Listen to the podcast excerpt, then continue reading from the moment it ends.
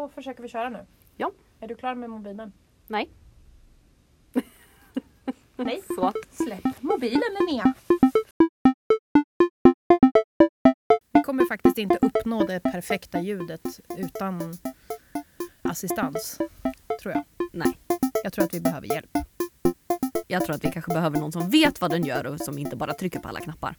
Ja, men nu har vi i alla fall identifierat att det här lilla, lilla störljudet som finns i inspelningen har att göra med elektroniken.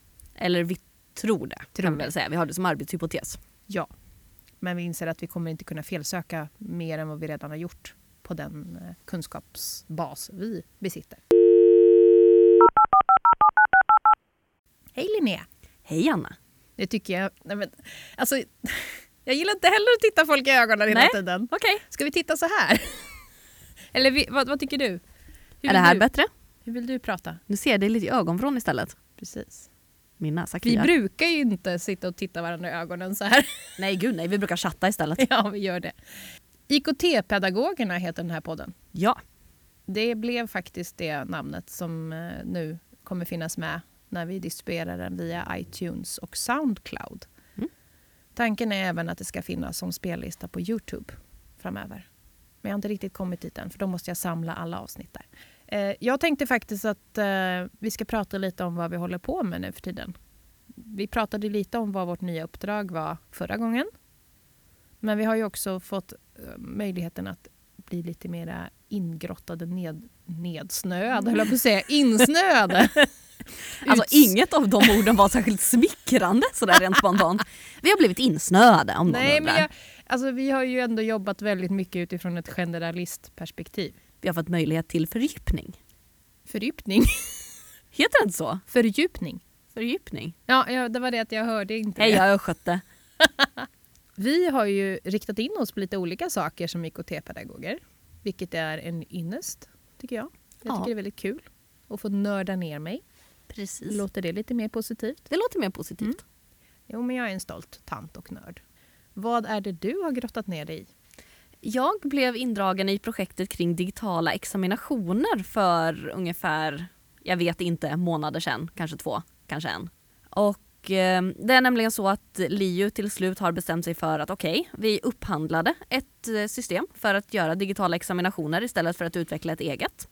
Som en del i att Eh, börja med digital examination så håller den eh, gruppen som gjorde själva upphandlingen, den projektgruppen, på att börja kolla på hur en supportstruktur kommer att se ut. Och första linjens support kommer ju som vanligt att vara vår helpdesk. Men när det kommer till andra linjens support så kommer det i ganska hög utsträckning vara jag och två kollegor till från eh, tentamensenheten som sannolikt tar hand om ärenden som kommer in. Mm. Det jag tycker är intressant är att vi har mer och mer börjat inse att vi behöver samverka och samarbeta med andra enheter. Att man kan inte ha all kompetens på en och samma enhet utan det är mycket beröringspunkter när det gäller digitalisering. Det är Mm. väl ganska naturligt. Mm. Så du samverkar med, eller samverkar, samarbetar med. Jobbar ihop med. Jobbar ihop med. Mm. Du hittar nya kollegor på tentamensenheten helt enkelt. Ja. Trevligt. Ja. Men hur ska man tänka som lärare om man vill eh, börja nosa lite mer på digital examination om man inte har jobbat med det tidigare? Det första man kan göra är ju att bara kolla på det verktyget som redan finns i LISAM eh, som heter tester. Där du kan börja med att lägga in lite frågor och prova hur kan ett sånt här verktyg fungera? Vad för typer av frågor kan jag ställa och så vidare. Sen har vi också som sagt upphandlat ett, eh, ett system för digital examination som heter Wiseflow, kommer från Uniwise.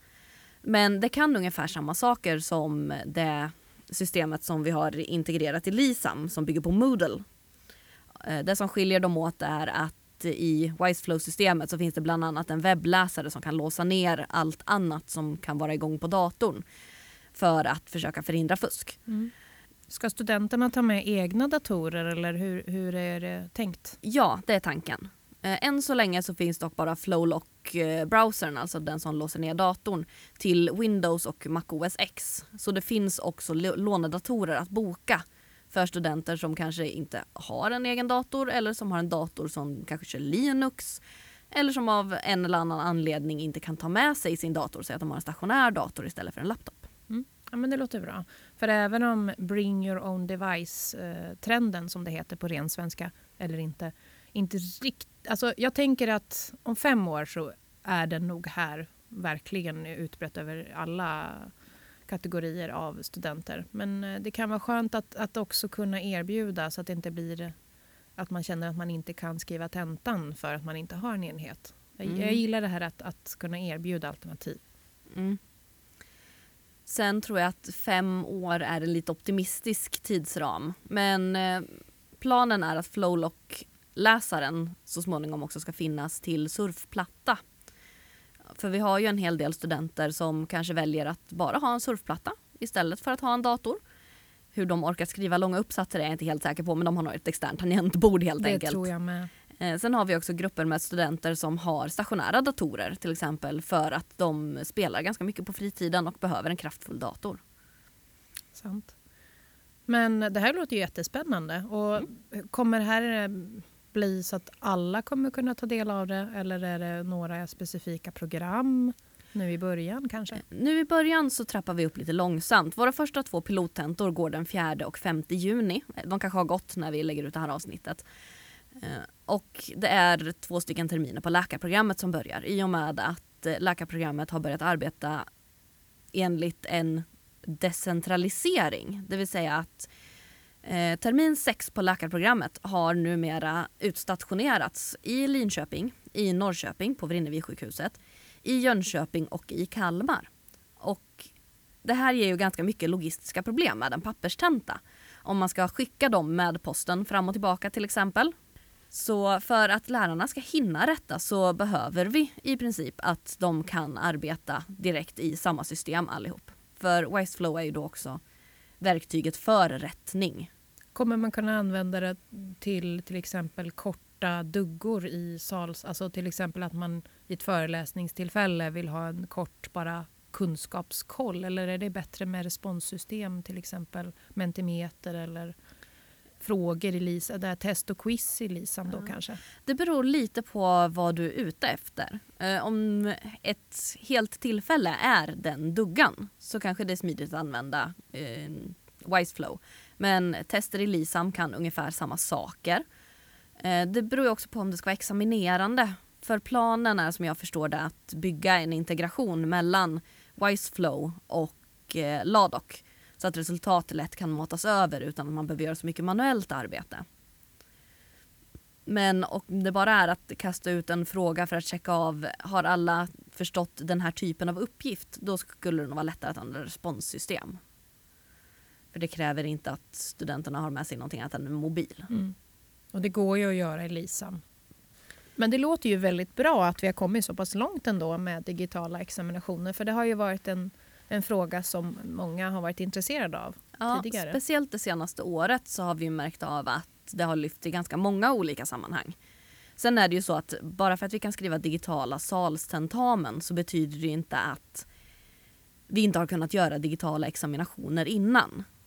Jag har så länge jag var student på universitetet till exempel skrivit hemtentor på dator. Jag, alltså, så det används ju redan digitala system för att skriva tentor. Men nu kan vi alltså också skriva digitala salstentor. Ja, för att jag tänker att i vår lärplattform LISAM så finns det inlämningar Mm. där man lägger in digitala dokument, Ja. filer för examination. Ja. Och det, det har ju funnits ett tag. Mm. Och det är ju ett komplement på det sättet. Men vad händer framöver när läkarprogrammet är igång? Vilka är det fler? Vilka program är det? Det finns ett antal personer som har skickat in intresseanmälningar till projektet. Eh, det finns en sida på LiU-webben dedikerad för digital examination. Så om ni inte söker på webben utan söker på typ Google efter LiU digitala examinationer så kommer ni att hitta de sidorna där det också finns kontaktuppgifter. Vi lägger ut länk på det här i informationen ihop med podden, tänker jag. ah, vad smart. Så behöver du inte ha alla länkar och webbsidor i huvudet just nu.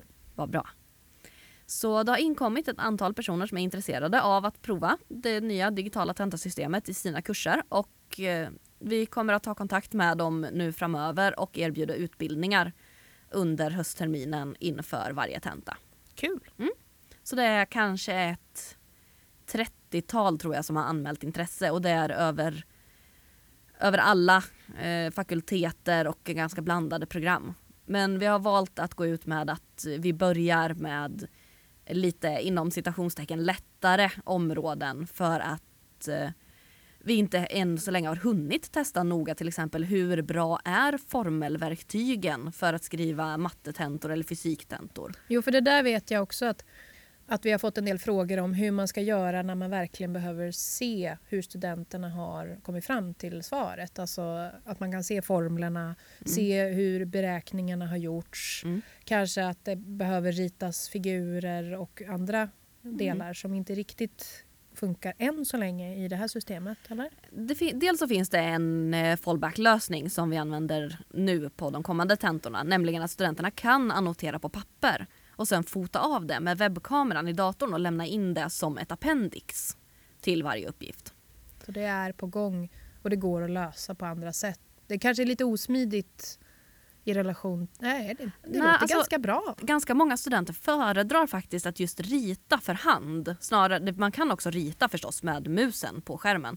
Men att rita med en mus vet alla som har försökt göra det att det inte är sådär superenkelt.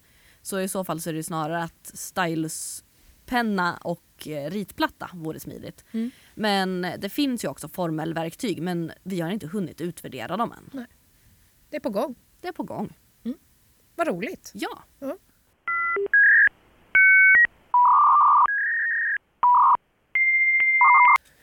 Nej, men det, det, ibland kan man ju känna att man eh, jobbar i en ganska trög organisation när man jobbar statligt. Ja.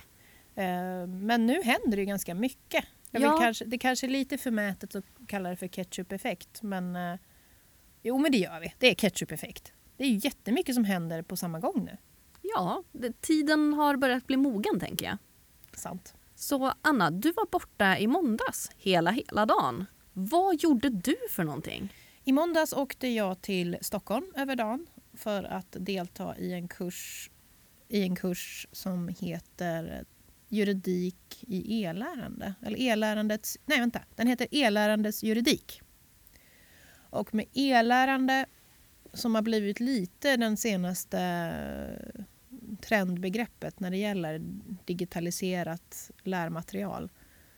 Eh, då menar jag i alla fall Ur mitt perspektiv är det ju det vi producerar för en digital arena i syfte att lära ut någonting. Ja. Men eh, det jag märkte vid det här tillfället var att det även berörde sånt som ligger lite i periferin med det jag gör men som faktiskt också påverkar en lärare på ett universitet. Som till exempel juridiken kring kursutvärderingar. Mm. Eh, hur man ska tänka kring när det kommer in digitalt i relation till lite olika lagområden. Men också digitala examinationer ja. var också en del av det. Men eh, det jag tyckte var intressant det var att jag fick både bekräftat mycket av det jag har anat, det vill säga juridik är komplext. Ja.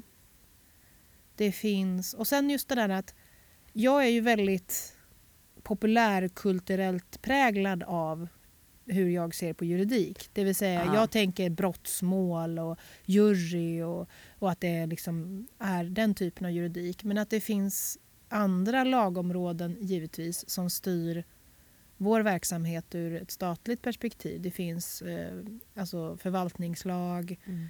personuppgiftslagar, ja. upphovsrättslagar och ibland krockar ju de här lagarna. Aha inom ett och samma projekt. Japp. Och då när man vänder sig till en jurist och vill veta hur är det, vad gäller mm. så får man väldigt sällan ett rakt svar. För de vet ju hur komplext det är. Ja. Vilket gör att de kan inte bara säga så här är det. Mm. Utan de säger så här kan det vara, å ena sidan. Å andra sidan det här. Och jag vet att eh, det till exempel finns lite olika syn på upphovsrätt när det gäller lärares producerade material i mm. sin tjänst. Där å ena sidan man tänker man att ja, men lärares upphovsrätt det är lärarens material.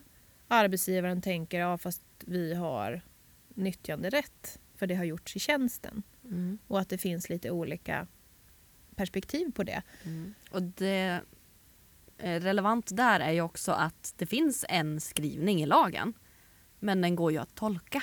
Ja, och det är väl där jag har studsat lite vid det här som då en del jurister har sagt att ja, nej men vi, vi kan inte säga någonting med säkerhet förrän det har blivit ett, en dom. Ja. Och för mig som då har brottsmål, jury, sitta i rättssalen, vittnen. Jag har ju den bilden av juridik och tänker oj, nej men hjälp, ska vi tröskas igenom ett sånt system? Medan juristerna är mycket lugnare och säger nej, men vi behöver ha någonting som är vägledande för att vi ska kunna tolka lagarna i relation till varandra. Ja. Så att det här att man välkomnar en process, att någon Mm. vill driva en process ur Mm. ett visst perspektiv och att det är någonting man gärna vill ha. Det var lite ögonöppnare för mig. Ja. Att det inte behöver vara så stor grej utan snarare att vi behöver att en domstol har tröskat igenom det här för att vi ska kunna ge någon typ av svar. Ja, för så, länge ingen har tolkat lagen och kommit fram till att jo men så här ska vi döma i den här typen av frågor så kan vi ju inte med säkerhet säga exakt hur lagen ska tolkas. Nej, och då blir det ju de här olika lite mer vaga beskrivningarna av tolkningar av lagarna. Det vill säga man pratar om policies, man pratar om policydokument, eh, riktlinjer men man sätter inte ner foten och säger att det är en lag. Mm. För det kan man inte riktigt göra hur som helst. Eh, och där kan det också vara, vi hade ett exempel på kursen där man pratade om det här med att en del lärosäten har i sina, alltså en del lärosäten har ju som riktlinjer att studenter inte får spela in sin lärare. Mm. Men det finns ingenting som säger att det är någonting annat än riktlinjer eller egentligen, man bryter inte mot någon, någon lag egentligen om man gör det. Nej. För att man har alltid rätt att dokumentera en framställan som oftast en föreställning, föreställning, föreläsning. Nu ska vi ha roligt här. ja, precis. Nej, men en föreläsning anses vara så pass publik oftast så att det är en offentlig framställan. Mm. Och därmed finns det offentlighetsprincipen och då har ju studenten rätt att dokumentera för eget bruk. Mm. Ett eventuellt brott begås ju först ifall studenten sprider det och Ja. därmed kanske avslöjar personuppgifter eller upphovsrätts... att studenten då begår upphovsrättsbrott. Att ett universitet har ordningsregler är egentligen mest riktlinjer internt. Men det som då man insåg att om en lärare inte känner sig bekväm med den situationen så kan hen inte göra så mycket mer än att säga nej, men då kan inte jag utföra min undervisning och gå därifrån. Mm. Det är egentligen det enda man kan göra om inte, inte den som spelar in accepterar med goda argument att nej men okej, jag spelar inte in. Mm. Men det är ju å andra sidan ett ganska kraftfullt verktyg. Oh ja, men det var, det var ganska intressant att just det där att en ordningsregel är ju inte direkt någonting, bryter man mot den så kan man säga till dem att du får lämna klassrummet. Men det kan inte bli några rättsliga följder. Nej, och om studenten i fråga vägrar så är det ju också svårt för läraren att göra någonting. Man får inte fysiskt gå på studenten såklart. Well, duh. Man får inte ta mobilen eller, eller den enhet man spelar in med Mm. utan att då begå ett brott. Ja. Så det, det var ganska intressant. Och just det där det, det som framkom också, just det där att en föreläsning i ett stort format anses vara så pass öppet så att det är en offentlig handling i sig då, att man Mm. gör en framställan i det formatet. Medan i lite mera mindre seminarieformer och sånt, då, då kan det räknas som någonting annat. Mm. Och då är det inte riktigt lika tydligt att det är offentligt.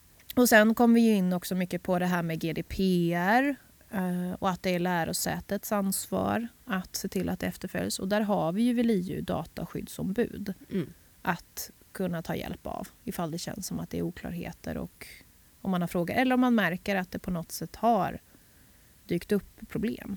Men där var det också, eh, jag blev lite mer medveten om som statlig myndighet, vi har förvaltningslagen men sen finns arkivlagen, gallring, alltså vad, vad gäller vid gallring, vad är ett inkommet ärende, vad kan räknas som sekretessbelagt? Alltså, det är komplext. Ja, nej men det jag tog med mig från eh, den här kursen var att eh, jag förstår varför det är svårt för en jurist att ge ett rakt svar. Okej. För att å ena sidan och andra sidan. Mm. Det är olika lagområden som styr. Och det som gör till exempel en filmad föreläsning så komplex är att det inte är helt lätt att kunna distribuera den på ett rättssäkert sätt. Även om man sitter bakom lås och bom, eller på att säga. Alltså, det låter som att man sitter i fängelse, men även om filmen finns instängd på LISAM Mm. så innebär det ju ändå att varje enskild student kan ju faktiskt ladda ner en kopia av det och därmed sprida det vidare, om det skulle vara så. Men då är det ju studenten som begår Ja, ett upphovsrättsbrott. Det är det ju. Men det man också kan tänka på är att man trots att man då är i ett slutet forum ska vara försiktig med personuppgifter, GDPR-biten, det vill säga säga att det är någon i den här filmen som syns, går att identifiera, har glasögon, sitter i rullstol, på något sätt man avslöjar någonting om den personens hälsotillstånd, vilket det är när man har glasögon till exempel. Eller om man till exempel kan ide- identifiera någon baserat på röst. Det är Mm. också någonting som man behöver ta ställning till. Och det är väl därför jag kan tycka ibland att det är inte bara produktionsbiten i att filma en föreläsning som är komplex, utan det är andra saker också. Mm.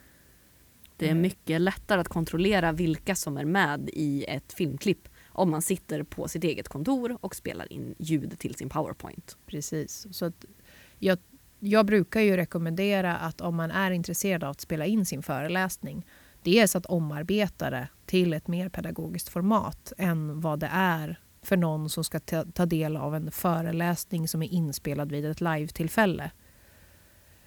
Det är så mycket mer vinst med att då omarbeta det för det formatet. Det blir oftast kortare, mer eh, lättnavigerat och så vidare.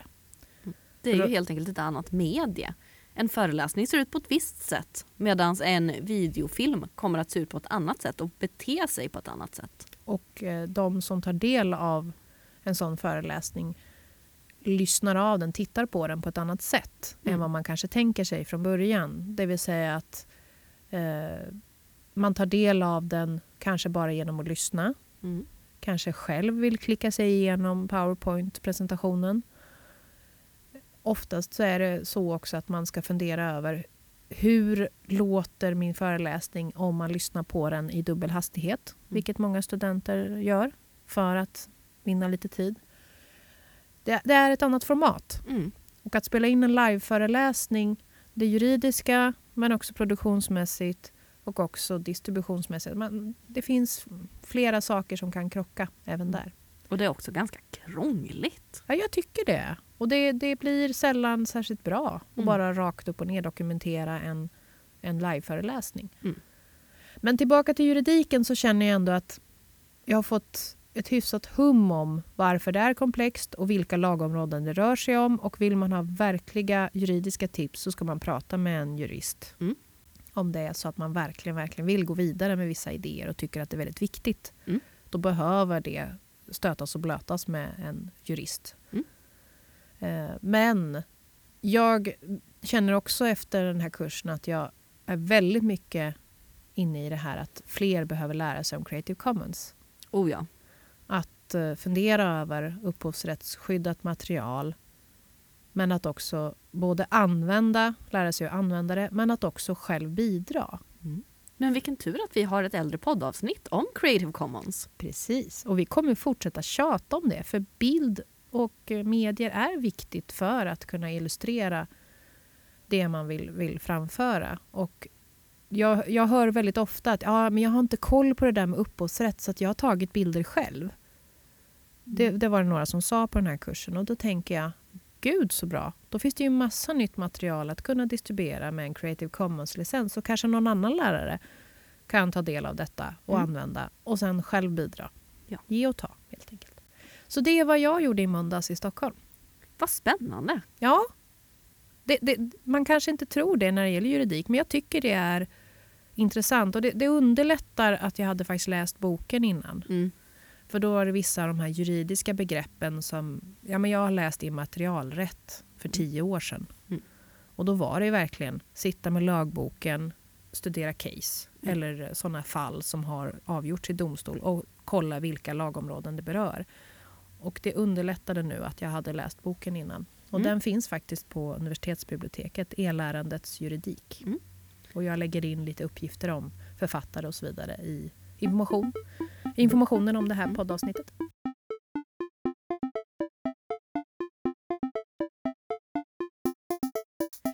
Men då säger eh, Anna och Linnea, Hej då! ja det tycker jag. Nu är vi klara. Hej då podden, vi ses imorgon! Imorgon, nej då ska vi vara lediga. Hej då podden, vi ses någon annan gång. Ja det gör vi. Hej då, hej då, hej! jag vet inte vad vi ska ha för.